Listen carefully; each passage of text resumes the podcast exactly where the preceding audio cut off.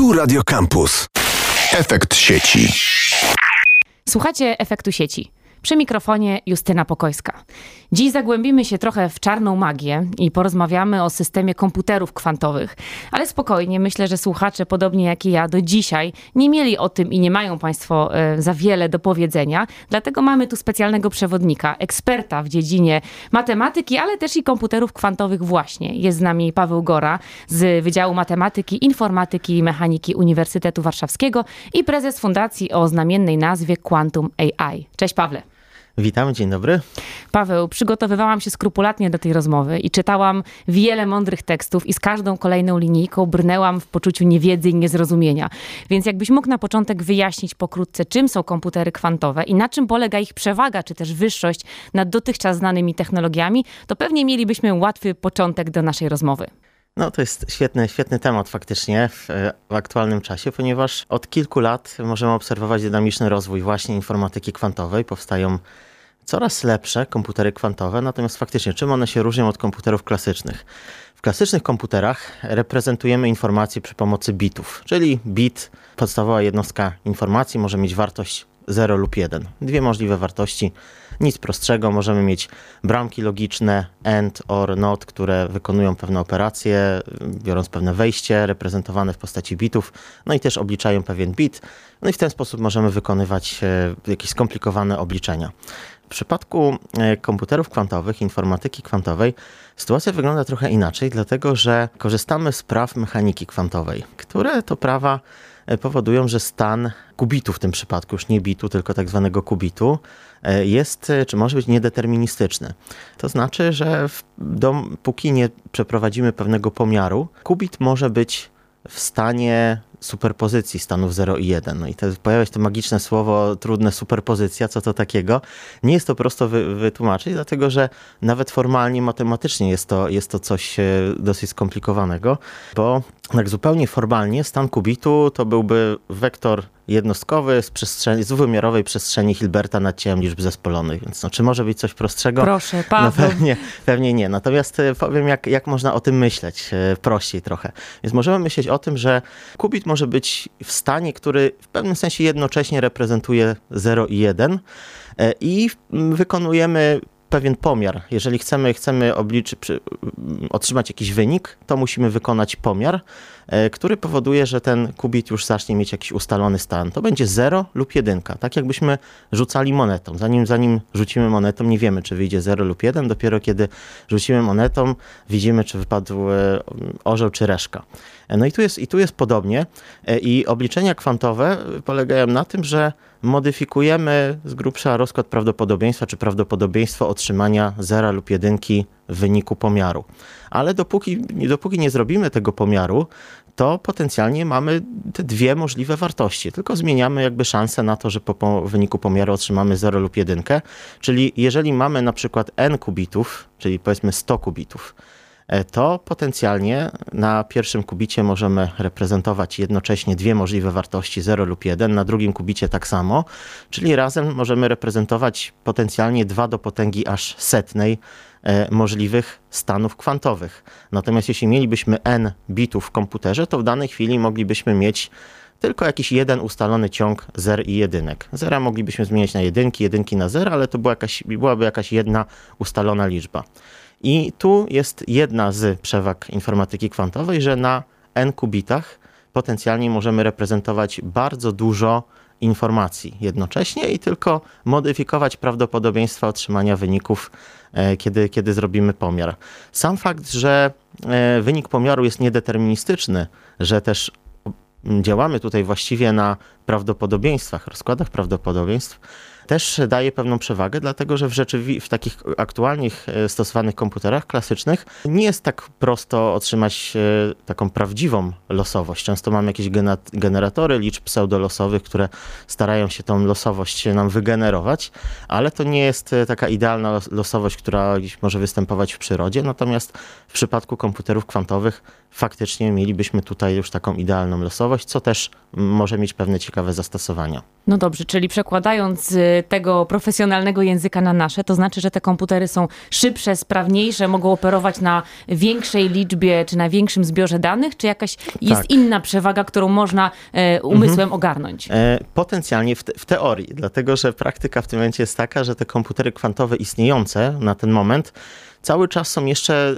stosunkowo słabe. Po pierwsze też nie, nie mają jakoś bardzo dużo tych kubitów, tak? Na przykład kiedy mamy komputer e, klasyczny, to on może, mamy, może mieć nawet, nie wiem, terabajt e, dysku i, i wiele gigabajtów e, pamięci RAM, co się przekłada na jakieś no, miliardy czy biliony bitów, na których możemy przechowywać dane. Natomiast w przypadku komputerów kwantowych, no tak realnie możemy mieć powiedzmy kilkadziesiąt na przykład takich fizycznych kubitów, a też e, no, cały czas są problemy na przykład z korekcją błędów, e, cały czas w wyniku i pomiarów i stosowania tych bramek kwantowych mogą e, występować błędy, więc te błędy trzeba korygować, co powoduje, że tak naprawdę nawet na kilkudziesięciu kubitach my jesteśmy w stanie tak naprawdę reprezentować znacznie mniej e, kubitów tak zwanych logicznych, ale z grubsza, zakładając, że faktycznie w pewnym momencie będzie to działać bardzo dobrze, potencjalnie faktycznie pewne problemy da się rozwiązywać szybciej. Na przykład spodziewamy się, że będziemy w stanie przy pomocy takich komputerów kwantowych łamać pewne szyfry, pewne, pewne algorytmy kryptograficzne, pewne metody szyfrowania kryptograficzne stosowane obecnie chociażby, co może stanowić też pewien problem, ale potencjalnie na takich komputerach da się też szybciej rozwiązywać pewne skomplikowane, złożone problemy optymalizacyjne, o czym mogę też potem powiedzieć, bo takie problemy optymalizacyjne występują wszędzie i w sztucznej inteligencji, i w uczeniu maszynowym, które też jest powszechne, i w finansach wiele rzeczy chcemy optymalizować. Portfel na przykład, tutaj jakiś inwestycyjny, czy optymalizacja logistyki, na przykład jakimi trasami nasza flota miałaby jechać. Przy tego typu problemach komputery kwantowe mogą e, mieć zastosowanie, mogą potencjalnie znajdować lepsze rozwiązania i szybciej. E, również na przykład e, symulowanie ró- różnych procesów e, chemicznych, no, z uwagi właśnie na to, że lepiej te komputery w sposób naturalny nadają się do symulowania takich procesów kwantowych zachodzących faktycznie w niedużej skali i w związku z tym spodziewamy się, że mogą mieć zastosowania do potencjalnie produkcji, tworzenia jakichś nowych materiałów, nowych leków. Nawet teraz w czasie pandemii były pomysły, żeby próbować stosować komputery kwantowe do prac dotyczących e, właśnie tworzenia czy to szczepionki, czy, czy, czy leków przeciwko COVID-19. E, Więc y, potencjalnie szybkość działania, możliwość tutaj reprezentowania większej ilości informacji i to, co mówiłem, taka prawdziwa losowość, nie pseudolosowość, która występuje w komputerach klasycznych, e, tylko już realna, rzeczywista losowość. Wyczytałam gdzieś w tych e, tajemnych materiałach, że te technologie związane właśnie z rozwojem informatyki kwantowej właściwie powstały już przed II wojną światową. Więc dlaczego dopiero teraz jest taki boom na to, by mówić o komputerach kwantowych? I druga informacja, która też może gdzieś tu idzie w parze, też wyczytałam, że IBM stosunkowo niedawno wypuścił dopiero na rynek pierwszy komputer do użytku komercyjnego, taki kwantowy. Czy to jest jakiś szczególny moment w rozwoju tej technologii? Dlaczego akurat teraz moglibyśmy sobie prywatnie kupić taki komputer? Dlatego, że takie komputery dopiero teraz faktycznie zaczynają być dostępne. Tak jak, tak jak mówiłem, nawet te komputery, które mamy w tej chwili, one mają tak raptem może na przykład kilkadziesiąt kubitów, więc to nie są jeszcze jeśli chodzi o moc obliczeniową, nie są jeszcze jakieś bardzo duże maszyny, bo jeśli chodzi o rozmiar taki fizyczny, no to jest rzeczywiście skomplikowana sprawa, bo te układy kwantowe trzeba trzymać się powiedzmy w izolacji od, od otoczenia, aby nie dochodziło do tak zwanej dekoherencji. Musi być też niska temperatura, często blisko zeru bezwzględnemu, bezwzględnemu, więc to jest skomplikowana aparatura, więc to było bardzo sk- trudne od strony inżynierskiej, aby takie komputery stworzyć. Natomiast oczywiście jakby sama taka teoria matematyczna, bym powiedział, czyli mechanika kwantowa, no to jest coś, co rzeczywiście mm, jakby została, jest teoria, która została zbudowana w pierwszej połowie XX wieku przede wszystkim. Natomiast e, faktycznie takie pomysły, aby na atomach faktycznie w takiej skali kwantowej przeprowadzać obliczenia, m, pojawiły się trochę później. Takie realne, realne pomysły to raczej lata 80. gdzieś XX wieku e, i, i no gdzieś w, mniej więcej w tamtych czasach zaczęły się pojawiać e, takie pierwsze jakieś algorytmy kwantowe, ciekawe. E, Natomiast faktycznie przez długi czas, ja pamiętam jeszcze do roku 2010 gdzieś, tak naprawdę ta liczba kubitów, które byli, byliśmy w stanie sp- splatać, po prostu utrzymywać w takim st- stanie w którym jesteśmy w stanie wykonywać obliczenia, to było może raptem kilka, gdzieś może kilkanaście kubitów. Natomiast faktycznie ostatnie kilka lat, tak 3-4 lata, e, możemy obserwować e, dynamiczny rozwój. Faktycznie już jest coraz więcej firm, które pracują nad komputerami kwantowymi i te komputery, które powstają, zaczynają po prostu, po, po pierwsze, mieć więcej kubitów, no i też po drugie, już te kubity, już te układy kwantowe są coraz mniej zaszumione, czyli coraz bardziej też odporne na błędy. No po prostu rozwija się technologia. Tutaj wielu naukowców mm, stosuje takie porównanie, że obecnie komputery kwantowe są mniej więcej na takim etapie rozwoju, jak komputery klasyczne były gdzieś w latach 50. XX wieku, gdzie to były jeszcze jakieś olbrzymie szafy zajmujące e, no, całe pokoje praktycznie, tak? A, a w ciągu kilkudziesięciu lat zostało to zminiaturyzowane oczywiście wszystko. Natomiast trzeba sobie zdawać sprawę, że to jest jednak bardzo wczesny etap jeszcze tej technologii a na tym wczesnym etapie, tym, tym z lat 50. naszych mhm. PC-ów, mhm. do jakich konkretnych zastosowań można teraz wykorzystać takie technologie? Czytałam, że na warszawskiej Białołęce na jednym z dyskontów e, pojawiły się jakieś szkła czy panele w tej technologii kwantowej. Czy to ma coś wspólnego z tym, o czym mówisz, czy to są zupełnie mm, inne wykorzystania? Nie, nie jestem pewien, e, do czego dokładnie służą te panele kwantowe. Ja przypuszczam, że mogą w jakiś sposób korzystać z ogólnie praw mechaniki kwantowej. E, tak samo jest bardzo też dynamicznie rozwijająca się dziedzina kwantowej komunikacji na przykład, tak, żeby też na przykład y, stosować i kryptografia kwantowa chociażby, tak, czyli mówiliśmy o tym, że komputery kwantowe mogą potencjalnie złamać te szyfry klasyczne istniejące obecnie, którymi zabezpieczamy nasze wiadomości czy internet, ale y, z drugiej strony dzięki też stosowaniu mechaniki kwantowej potencjalnie można szyfrować właśnie kwantowo wiadomości i takie eksperymenty też są przeprowadzane, więc przypuszczam, że mogło to być jakieś zastosowanie mechaniki kwantowej, ale wątpię, żeby to były konkretnie obliczenia kwantowe. E, to warto też rozdzielić te dwie rzeczy, że oczywiście jest mechanika kwantowa e, opisująca nasz świat faktycznie w skali atomowej, w skali już gdzieś kwantów. Natomiast e, no, sama informatyka kwantowa to już jest no, zaprzęgnięcie tej skali atomowej do wykonywania konkretnych obliczeń i implementacji pewnych algorytmów. Więc to są trochę, no jedna rzecz po prostu korzysta, informatyka kwantowa korzysta z mechaniki kwantowej, ale mogą być też inne zastosowania mechaniki kwantowej. To mówisz o tych szyfrach, o deszyfrowaniu, czy też zaszyfrowaniu. Czy to jest legalne? Czy te komputery są wykorzystywane do mhm. takich, można powiedzieć, podziemnych czynności, aktywności, które niekoniecznie są legalne w naszym kraju? Trudno powiedzieć. Według, według mojej wiedzy nie, dlatego że no po pierwsze w tym momencie te komputery kwantowe bardzo trudno jest zbudować. To jest naprawdę bardzo duże wyzwanie inżynierskie. E, I, i, też e, trzeba je przechowywać w odpowiednich warunkach. To jest bardzo skomplikowana aparatura, więc no, po pierwsze no, trzeba mieć gdzieś na pokładzie jakieś naprawdę tęgie umysły, które potrafiłyby to zrobić. E, i to też jest, to też jest kosztowne. Natomiast no, może się okazać, że tutaj jakieś gdzieś tajne służby już takie komputery kwantowe lepsze mają i po prostu my o pewnych rzeczach nie wiemy. To takich rzeczy też nie można, nie można wykluczyć, ale raczej na ten moment nie jest to taka technologia, która byłaby dostępna tak po prostu w łatwy, w łatwy sposób. Natomiast co do jakby samych nie wiem, prób tutaj łamania szyfrów, to te istniejące komputery kwantowe, one cały czas są jeszcze za małe, żeby złamać te szyfry E, które są stosowane w tej chwili. Po prostu te aktualne komputery klasyczne też są, e, też są bardzo potężne. W związku z tym no to metody szyfrowania, które się stosuje, no już są e, na tyle też rozbudowane, że ta moc obliczeniowa, nawet i komputerów klasycznych, i komputerów kwantowych, musiałaby być jednak całkiem spora. Po prostu na komputerach kwantowych byłoby to łatwiejsze do zrobienia, e, ale mniej więcej pytanie o to, czy to jest e, jakby legalne, to jest tak, mniej więcej takie samo pytanie, jak czy, czy legalne są próby łamania jakichś szyfrów korzystając z komputerów klasycznych. No nie, więc, więc to, to, jest, to jest po prostu narzędzie, tak samo jak młotek. Tak? No, młotkiem można wbić gwoździa, można komuś zrobić krzywdę, więc to wszystko zależy od, od zastosowań. E, jakby do, domyślnie oczywiście komputery kwantowe zakładamy, że będą służyły raczej w takich dobrych celach, tak samo jak na przykład sztuczna inteligencja, no ale nie można wykluczyć tego, że ktoś też znajdzie jakieś e, niezbyt, niezbyt dobre zastosowania. Ale wspomniałeś o tęgich głowach, które są potrzebne do tego, żeby obsłużyć te, te mhm. sprzęty, choćby na tym początkowym poziomie rozwoju. No i z tego co wiem, to całkiem niedawno zainwestowałeś w rozwój takich tęgich głów, bo jako prezes fundacji, twoja fundacja prowadziła warsztaty dla młodzieży, tak. które to właśnie mają wesprzeć młodych zainteresowanych w drodze na szczyt i mhm. w tym, żeby kiedyś stanęli na czele takich systemów kwantowych w Polsce. E, tak, tak. Organizujemy warsztaty faktycznie z programowania komputerów kwantowych. W tej chwili zdalnie. Po raz pierwszy takie warsztaty organizowaliśmy jeszcze nawet przed pandemią w 2019 roku. Wtedy to były warsztaty stacjonarne. Wzięło w nich udział 30 osób. więc nie, nie tak dużo. Natomiast no, paradoksalnie teraz dzięki pandemii jest nam jeszcze łatwiej kształcić, kształcić ludzi, kształcić specjalistów, dlatego że no, organizując warsztaty zdalne, jesteśmy w stanie jednocześnie w trakcie warsztatów przeszkolić ponad, ponad 100 osób. Na nasze pierwsze warsztaty zdalne, które organizowaliśmy w listopadzie, zapisało się 260 osób. Ostatecznie gdzieś pojawiło się na nich tak około 150 osób. Ukończyło z dyplomem, z certyfikatem tu przez nas podpisanym, że tak, ta osoba ma już, nabyła odpowiednią wiedzę, około 80 osób.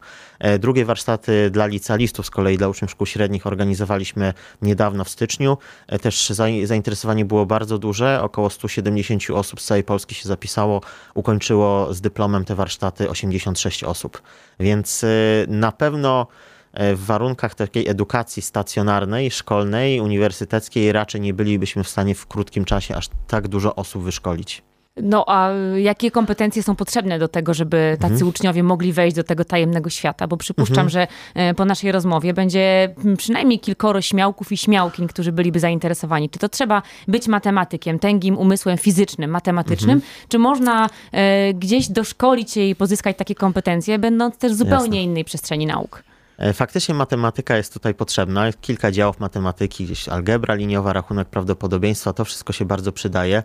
E, również bardzo się przydaje informatyka, e, czyli no, umiejętność programowania. W naszym przypadku przede wszystkim w języku programowania Python, który jest w tej chwili dosyć, e, dosyć popularny i też stosunkowo prosty w porównaniu do wielu innych języków programowania, więc jeśli ktoś potrafi programować, to raczej nie powinien mieć, mieć, mieć z tym problemu.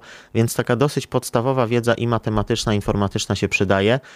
Paradoksalnie nie jest potrzebna, czy paradoksalnie, czy być może wbrew pozorom, nie jest potrzebna jakaś wiedza istotna z mechaniki kwantowej, czyli raczej fizyka nie, niekoniecznie, to już na, na tym poziomie, na tak wysokim poziomie korzystania z komputerów kwantowych, ta bardziej niskopoziomowa wiedza o tym, jak one gdzieś działają e, podstaw, jeśli chodzi o prawa mechaniki kwantowej, oczywiście się przydaje, ale na dosyć, dosyć podstawowym e, poziomie, więc nie, nie trzeba tutaj na przykład nie wiem, gdzieś znać e, świetnie równania Schrödingera chociażby, ale ale faktycznie pod, no, wiedza, wiedza matematyczna i informatyczna się przydaje, stąd adresujemy te warsztaty przede wszystkim faktycznie e, dla e, studentów czy, czy naukowców e, w, w przedmiotach ścisłych, no i dla licealistów, ale też raczej tak z klas matematycznych, matematyczno-fizycznych, informatycznych, czyli raczej osoby z uzdolnieniami matematycznymi. To faktycznie nie jest proste, tak jak no, nawet samo programowanie, uczenie się algorytmów, tworzenie nowych algorytmów nie jest proste, tak wydaje się, że informatyka informatyka kwantowa chyba jest e, jeszcze trudniejsza z uwagi na to, że jest mniej intuicyjna, bo nawet właśnie z uwagi na, e, na te zjawiska, powiedzmy, stochastyczne również, czy, czy tam są, są różne ciekawe e, zjawiska kwantowe, z których nie obserwujemy w ogóle w świecie rzeczywistym, na przykład kwantowe tunelowanie też, czy, czy sprzężenie kwantowe, to są rzeczy zupełnie, zupełnie nieintuicyjne. E, I, I też e, no, czasami, kiedy ktoś pierwszy raz o tym słyszy, to mu się faktycznie wydaje, że to jest magia, a nasz e, świat faktycznie na poziomie takim mikro faktycznie tak, tak działa. Po prostu my tego w skali makro nie obserwujemy. Więc y, no na pewno jest potrzeba mieć te zdolności matematyczne, informatyczne. To jest zdecydowanie bardzo się przydaje. Ostatnie pytanie, może nie intuicyjne. Mówisz o studentach, o licealistach. Czy dziewczyny też mogą e, działać w przestrzeni komputerów kwantowych i czy znasz takie dziewczyny, które odnoszą sukces w takim obszarze? E, oczywiście, jak, jak najbardziej. W naszych warsztatach też e, brało udział e, sporo dziewczyn, no, dużo mniej niż e, chłopców, co pewnie wynika ogólnie z raczej z zainteres, pewnie trochę mniejszego może zainteresowania zainteresowania też tu dziewczyn w, przedmiotami ścisłymi, tak sądzę, ale przyznaliśmy już e, ponad 20, wydaje mi się, że około 25 dyplomów e, dla dziewczyn, wśród tych około 170 dyplomów, które przyznaliśmy, więc e, no mniej oczywiście niż dla chłopców. Ale, ale też, też były, były dziewczyny i, i wiele z nich też dołączyło potem tutaj do nas, pomagały, na przykład dziewczyny, które ukończyły z dyplomem pierwsze warsztaty, które organizowaliśmy w listopadzie, e, dołączyły i, i, pomagały nam organizować e, warsztaty w styczniu. I to nawet chyba, chociaż w tych pierwszych warsztatach stanowiły mniejszość, to potem w gronie osób, które potem dołączyły, aby pomóc organizacyjnie, e, chyba było nawet więcej dziewczyn. Więc były bardziej zainteresowane, żeby tutaj dalej się rozwijać jeszcze i, i pomagać, więc jak najbardziej zapraszamy do, również Panie tutaj do współpracy. Drogie słuchaczki, drodzy słuchacze, no jest dla nas wszystkich przestrzeń, może dla mnie to już nie, bo z matematyką nie mam wiele wspólnego, ale jak powiedział Paweł Gora, konkurencja rośnie, a jest tu jeszcze wiele do wykonania i do zrobienia w tym świecie cyfrowym i świecie komputerów kwantowych, do czego Państwa serdecznie zachęcamy. Paweł, bardzo Ci dziękuję za tę rozmowę. Jestem pewna, że po tym kwadransie jesteśmy o dwa kroki naprzód w naszej wiedzy o, o komputerach kwantowych. Naszym gościem był dzisiaj Paweł Gora z Wydziału Matematyki, Informatyki i Mechaniki Uniwersytetu Warszawskiego, prezes Fundacji Quantum AI. Dziękuję. Dziękuję pięknie, a my słyszymy się jak zwykle w kolejnym odcinku Efektu Sieci. Efekt sieci. Radio Campus. Same sztosy.